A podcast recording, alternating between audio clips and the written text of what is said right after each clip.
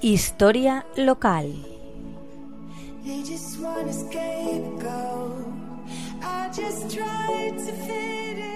Buenas tardes, amigos de la Tegua Radio.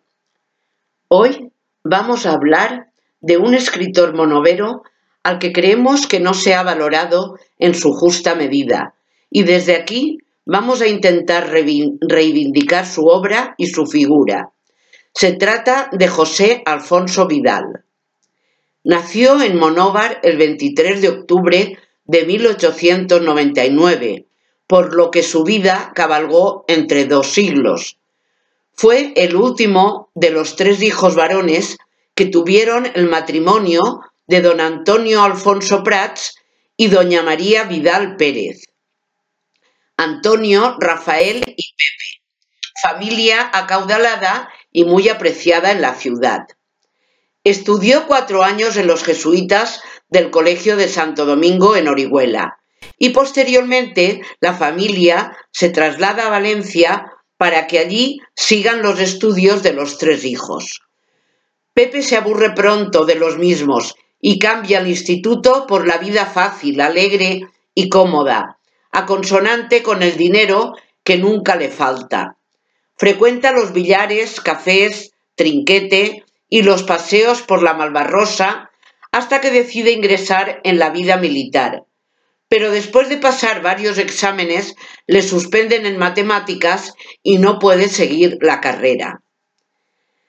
Las inquietudes literarias comienzan a acecharle y se enfrasca en lecturas diversas y en las que nutren la, biblioteca de su padre en la finca donde pasan los veranos, en Monóvar, la casa del Olmo. Pereda, Alarcón, Galdós, Lapardo Bazán y, cómo no, Azorín, del que tiene varios libros dedicados a su padre, por ser el médico de cabecera de la familia Martínez Ruiz. Se aficiona al mundo de los toros y no se pierde corrida en Valencia, comparando el arte de Machaquito, Fuentes, El Gallo, Bombita y Belmonte. Monóvar y Valencia se le quedan pequeñas. Necesita nuevos horizontes para calmar sus aficiones intelectuales y se marcha a Madrid, donde espera encontrar el camino de su nueva carrera literaria a la que aspira se hace socio del Ateneo y por las noches cierra su biblioteca leyendo a los clásicos griegos y latinos. En la célebre cacharrería conoce a Unamuno y Valle que le dice, hay que leer mucho, pero hay que vivir más.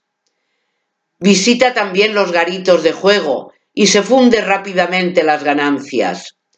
Envía trabajos a su amigo Juan Sansano que los publica en el semanario de Monóvar, El Sembrador. A los 22 años realiza el servicio militar en artillería, como soldado de cuota, con un pago de 2.000 pesetas. Pero la guerra de anual se recrudece y lo destinan a Melilla, desde donde sigue escribiendo y gana el concurso de Crónicas de Guerra de la Libertad.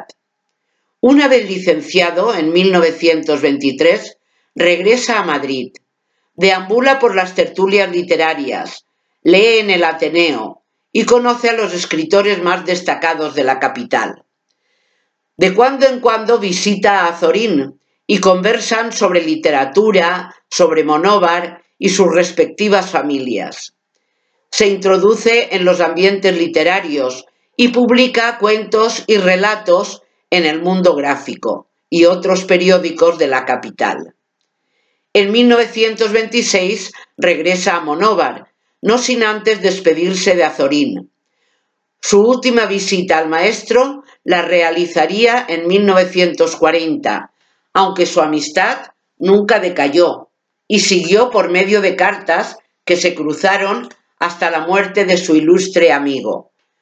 Su mujer, doña Julia, le regaló el bolígrafo de oro que usaba Zorín y que él guardaría como el mejor de los recuerdos, sin utilizarlo nunca.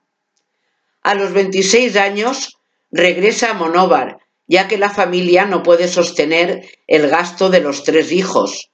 Comienza a trabajar llevando la correspondencia de una fábrica, por lo que cobra 250 pesetas, pero no puede aguantar esa monotonía y sigue con las colaboraciones en diarios de Alicante, El Tiempo, Las Noticias, El Día, El Luchador, etc. Vida plácida de partidas de billar, de pelota en el trinquete, paseos por el casino y tertulias con Marcolán, Remedios Picó, Peñataro, Antonio Montoro, todos colaboradores de Renovación, que dirige Pascual Carrasco. Vende máquinas de escribir marca Underworld y gasta los ingresos que obtiene rápidamente. Funda el periódico La Cháchara y ya había publicado en 1921 su primer libro, El Tenorio de Monóvar. Se casa con Dolores Llopis Jiménez y tuvieron tres hijos, dos chicas y un chico. En 1933 obtiene el premio Luca de Tena de la Asociación de la Prensa de Alicante. Fue ante todo periodista y autor de libros, como Azorín íntimo, Azorín en, torno a su vida y obra, con prólogo de Camilo José Cela, Carotas, Gamberros y otras firmas, Siluetas literarias, de Antonio Fuentes al Cordobés, del Madrid del Cuplé y Levante 36, la increíble retaguardia. Se le solía ver caminando pausadamente, camino de la Filarmónica, fumando su inseparable faria, sentado ante la mesa bebiendo un vermut o con el taco de billar en la mano. Miembro de la tertulia del rol de literario, ameno conversador, que relató, con el alma puesta en cada palabra, recuerdos, notas y tipos de un lejano monóvar. Falleció en Alfafar, pueblo de Valencia, donde se había trasladado a vivir con una de sus hijas el 15 de diciembre de 1976. Hasta la próxima semana, amigos de la Tegua Radio.